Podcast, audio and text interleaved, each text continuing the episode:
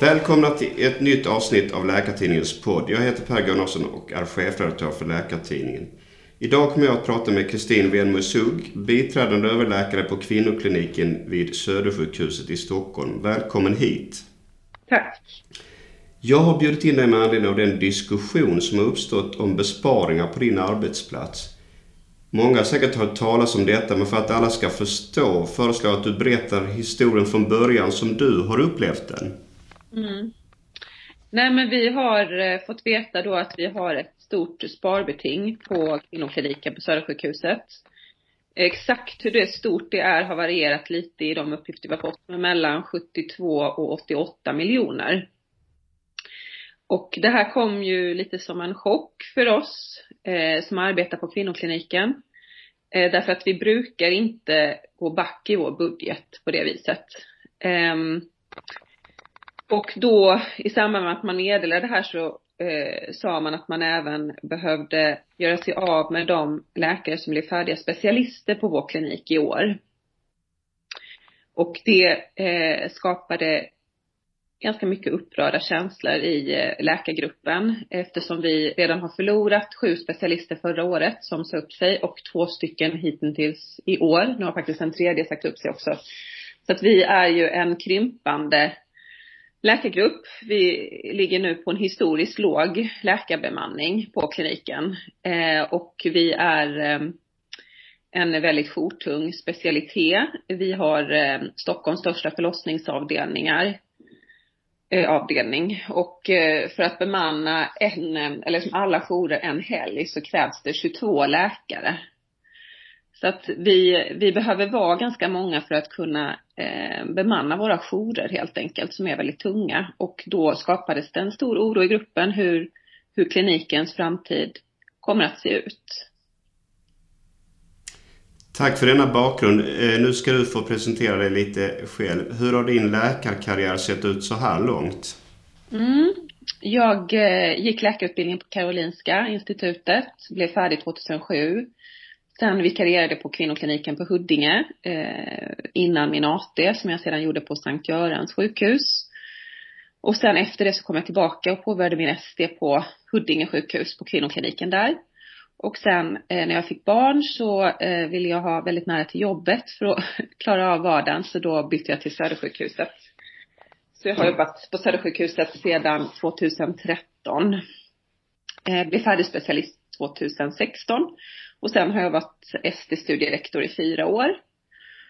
Eh, och nu eh, har jag precis avsagt mig det uppdraget då. Men det har varit väldigt givande.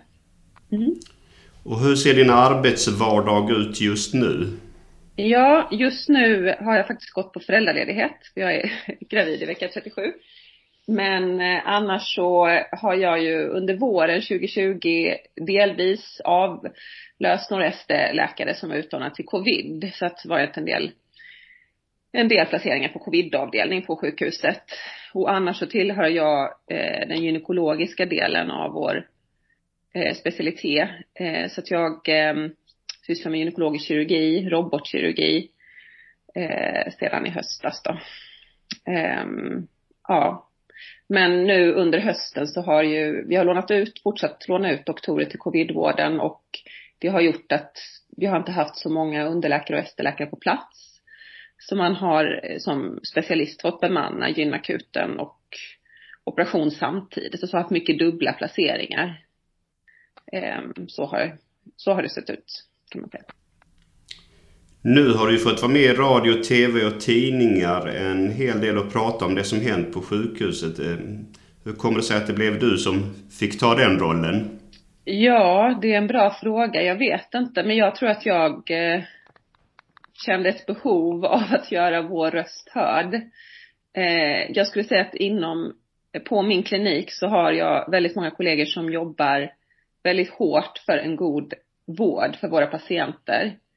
Eh, men eh, de är kanske inte alltid de som skriker högst. eh, och eh, ibland måste någon eh, föra talan och då tog jag på mig den rollen helt enkelt. Jag tror också att eh, jag har varit ST-studierektor i fyra år och jag känner jag vet exakt vilka de här doktorerna är som är färdiga. Jag har jobbat mycket med dem. Jag vet exakt vad de går för, vad de har för kompetens. Jag känner ett ansvar för dem. Jag känner ett ansvar för klinikens eh, framtid och känner att jag, eh, jag har en skyldighet att höja min röst i det här läget. Du har nämnt siffran eh, fem färdiga specialister, stämmer det, som kommer att få sluta då? Mm. Jag hittade också en artikel i Läkartid från förra året där du var kritisk mot nedskärningar på Södersjukhuset. Det här med besparingen inom vården, är det en viktig fråga för dig? Ja, men den har väl blivit väldigt tydlig också när man jobbar med utbildningsfrågor så så förstår man att om man, om man sparar på akutsjukhusen där all utbildning ska ske så är det svårt att säkerställa framtidens eh, hälso och sjukvård. Eh, I Stockholm så har man ju ett väldigt utbrett vårdval och många vårdvalsaktörer. Men man har inte skrivit in ett utbildningsuppdrag hos vårdvalsaktörerna i deras kontrakt. Eh, det har vi försökt att jobba med men sen kom covid så då eh, har det lagts lite på is. Men, men eh, det är ju viktigt att man tar ett gemensamt ansvar för utbildningsuppdraget om man ska kunna ha, om man ska kunna säkerställa kvaliteten på framtidens specialistläkare helt enkelt. Så det är ju en del i det hela och sen är det ju problemet när man flyttar ut den elektiva kirurgin från sjukhuset är att man Eh, Eh, man flyttar ut det arbete som utförs dagtid på sjukhuset, men och då även doktorer och sjuksköterskor från sjukhuset. Men nattetid är belastningen högre än någonsin eftersom vi har, vi, vi ökar vi ökar i population i Stockholm då. Så att eh, vi är färre doktorer och sköterskor som ska, ska dela på arbetet nattetid och kvällar och helger. Och det blir en väldigt tung belastning på, på de som arbetar på sjukhuset. Ehm, och eh, det kan man känna oro för.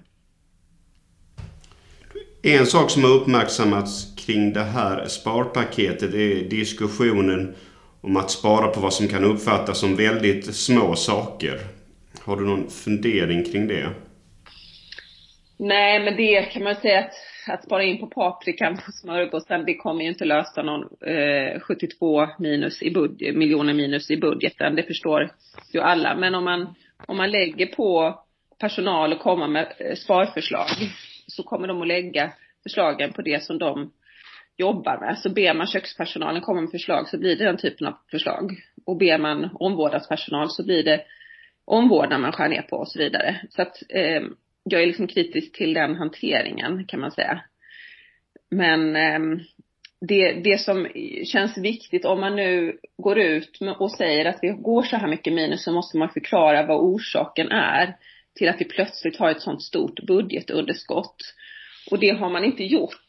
Och därför så skulle man ju önska en extern ekonomisk granskning av Södersjukhusets och kvinnoklinikens ekonomi för att förstå vad budgetunderskottet beror på och kunna komma med lite mer vederhäftiga förslag till hur man skulle kunna åtgärda det. Det som har nämnts eh, från sjukhusets sida är att underskottet till stora delar beror på en dubbeldebitering som upptäcktes 2019 och som lett till att kliniken under en tid fått för hög ersättning och sen har man då inte lyckats åtgärda detta. Mm. Men du tycker att det här behöver granskas vidare? Ja, alltså vi har inte fått någon förklaring heller till den här dubbelfaktureringen. Det är ju någonting som ekonomidirektören i så fall har, har gjort fel. Eh, så det är ju ingenting som några medarbetare på kliniken har, har gjort fel. Så att, eh, och det har ju genomgått en revision så, här, så att någon har ju missat det här. Det är ju en miss som är gjort. Och eh, det behöver man ju titta på. Hur kan det uppstå? Eh, hur kan det bli så? Och är det rimligt att man ska betala det i personalkostnad? För det blir det ju framförallt att, att vi eh, ska bli färre på golvet. Um, ja, att det, det är ju det förslag som, som ledningen har kommit med den stora lösningen. Det är att vi ska bli, dels att vi ska göra fler förlossningar och dels att vi ska göra det på mindre personal. Då. Precis, det har ju nämnts en ökning eh, till 8000 förlossningar från ungefär 7600. Och att det då skulle öka intäkterna med 14 miljoner kronor. Men i så fall fattas det ju ändå en stor summa. Mm, det gör det. Och det är ju så att vi har ju en förlossningsavdelning med 14 förlossningsrum. Och det är väl ungefär två fler än vad man har på de andra sjukhusen. Men vi har ju betydligt fler förlossningar. Så att vi, det är inte så att vi säger nej till kvinnor som kommer och försöker föda hos oss, utan är det så att vi inte tar emot dem, då är det för att vi inte har ett rum ledigt. Eh, så att det är svårt att säga att, att man ska kunna ta emot fler än vad man gör. Och det är också så att riktlinjerna ändras hela tiden inom sjukvården. Det kom en studie förra året som, som visar att man skulle sätta igång förlossningar i vecka 41 istället för vecka 42 för att förhindra att några barn dör i magen. Eh, och eh, det har ju delvis gjort då att vi har fler induktioner i år eh, vad vi hade året därpå. Att man sätter igång fler förlossningar. Och när man sätter igång en förlossning så innebär det alltid att man är längre tid på sjukhuset än om man startar sin förlossning hemma. Så man upptar alltså ett förlossningsrum under längre tid. Det här påverkar också hur många födande kvinnor vi kan ta emot. Eh, och därför så tycker jag att det är viktigt att man från regionens sida, om man ger oss ett uppdrag på ett exakt antal förlossningar, men att vi inte har rum för att ta emot dem, då får man ju säga vilken vård är det vi inte ska bedriva? Ska vi inte sätta igång de här förlossningarna? Eh, och så vidare. Det, det, behöver vara tydligare uppdrag då för att vi, vi jobbar liksom redan så fort vi kan på golvet. Eh, ja. Det som har nämnts i det här sammanhanget också, det är ju arbetssituationen, att den är belastad, att det finns risker för patientsäkerheten. Hur skulle du formulera dig kring detta? Mm. Men det där är ju en väldigt känslig fråga. Eh, man kan säga så här att vi har ju en väldigt stor erfarenhet på Södersjukhuset. Vi har erfarna barnmorskor, vi har erfarna doktorer och vi har erfarna undersköterskor eftersom vi har en sån hög volym.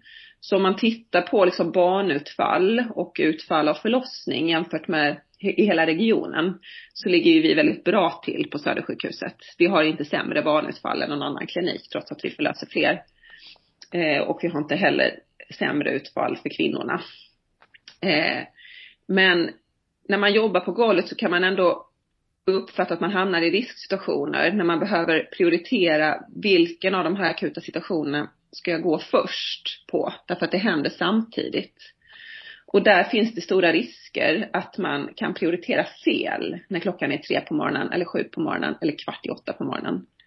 Eh, och det är det som, eh, som är kännbart när man går de här nattpassen och vi har så många förlossningar som vi har. Eh, att sen kunna visa det statistiskt eller så, det är en annan, det är en annan fråga. Men, men det är så att, att eh, belastningen är emellanåt väldigt, väldigt hög och arbetsmiljön är väldigt pressad. Både för omvårdnadspersonal, barnmorskor och läkare på förlossningen. Så att öka förlossningstalen skulle jag säga inte är aktuellt på Södersjukhuset.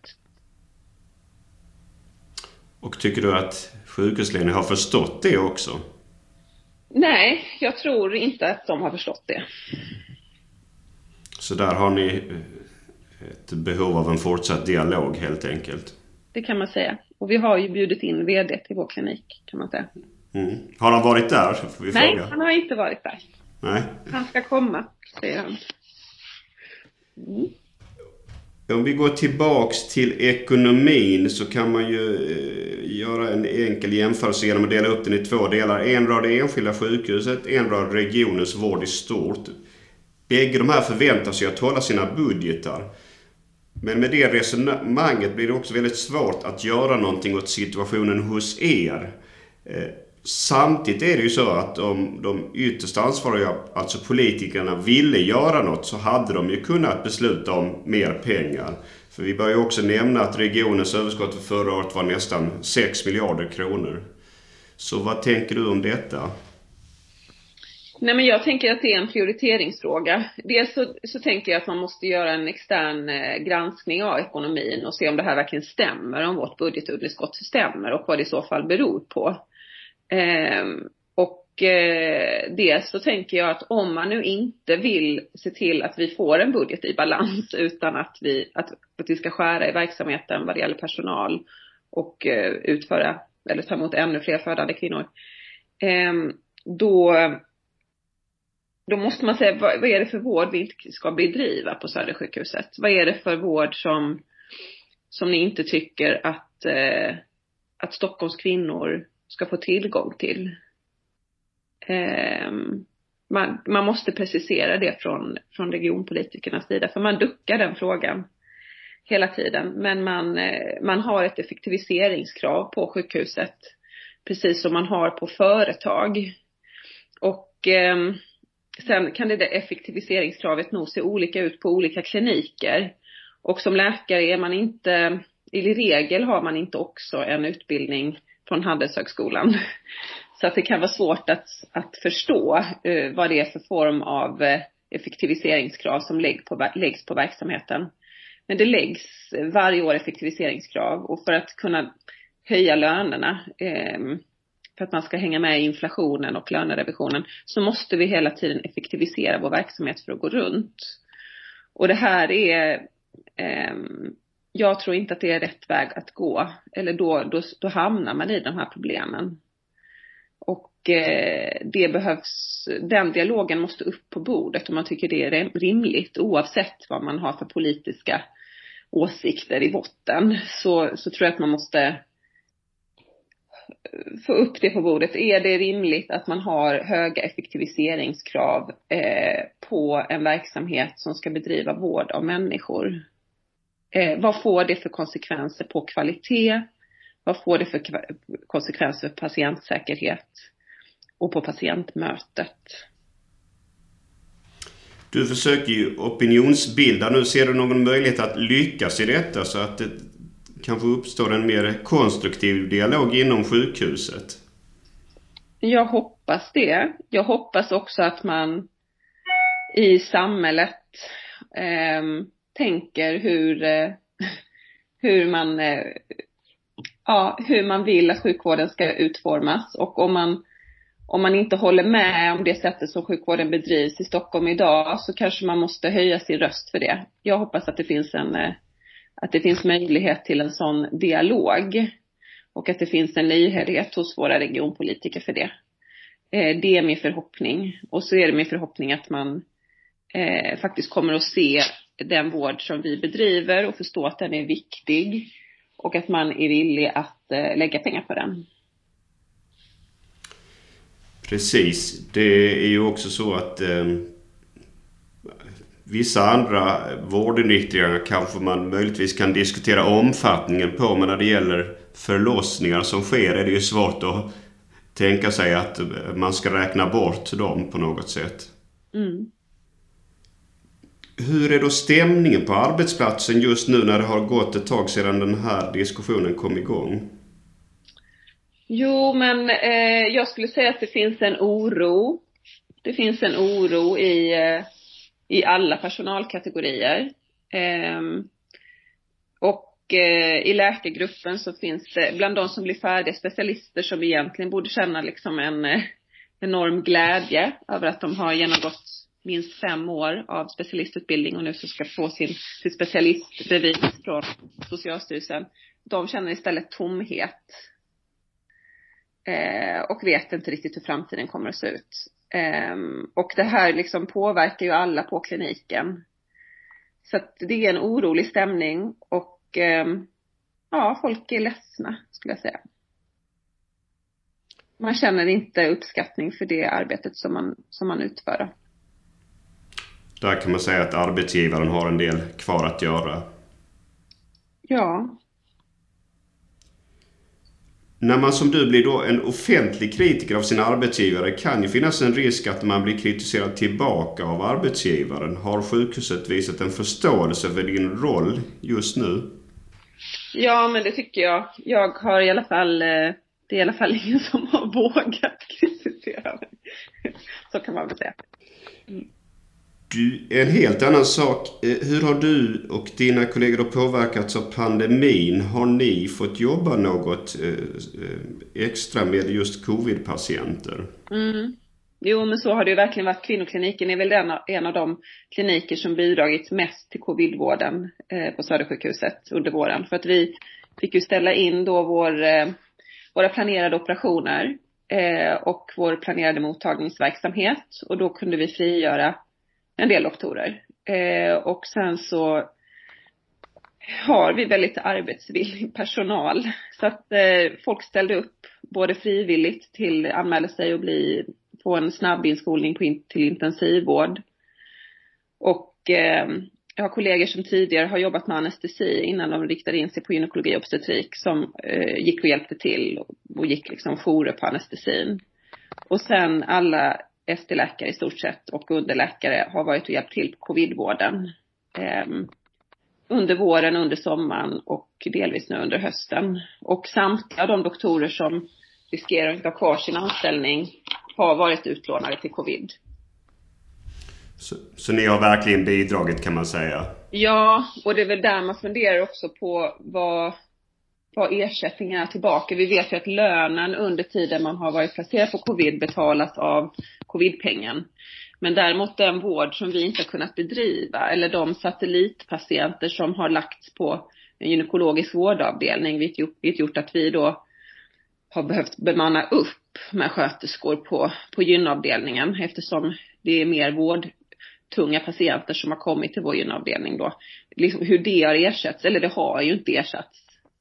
Eh, och hur man sen då kan räkna med att vi går så mycket minus i vår budget vår resultaträkning. Det är, så, det är så svårt att förstå i ett år när man har hjälpt till i så oerhört stor utsträckning. Um, det blir, eh, det blir liksom eh, droppen som får bägaren att rinna över. Det förstår jag att man kan känna när man igen hamnar i det här med ekonomin då. Så det låter som att ni har en hel del att prata med eh, er VD Mikael Remsjö om. Mm. Du, eh, det börjar bli dags att avrunda här men jag känner ju att eh, du sa att du snart ska föda. Jag, jag gissar att du ändå kommer att föda på Södersjukhuset. Ja, det kommer jag. det känns tryggt och bra för din del där. Det känns tryggt och bra för mig. Då vill jag tacka dig för att du var med och jag vill tacka alla som har eh, lyssnat på detta idag. Idag är det alltså den 22 mars 2021. Tack och hej så länge. Tack så mycket.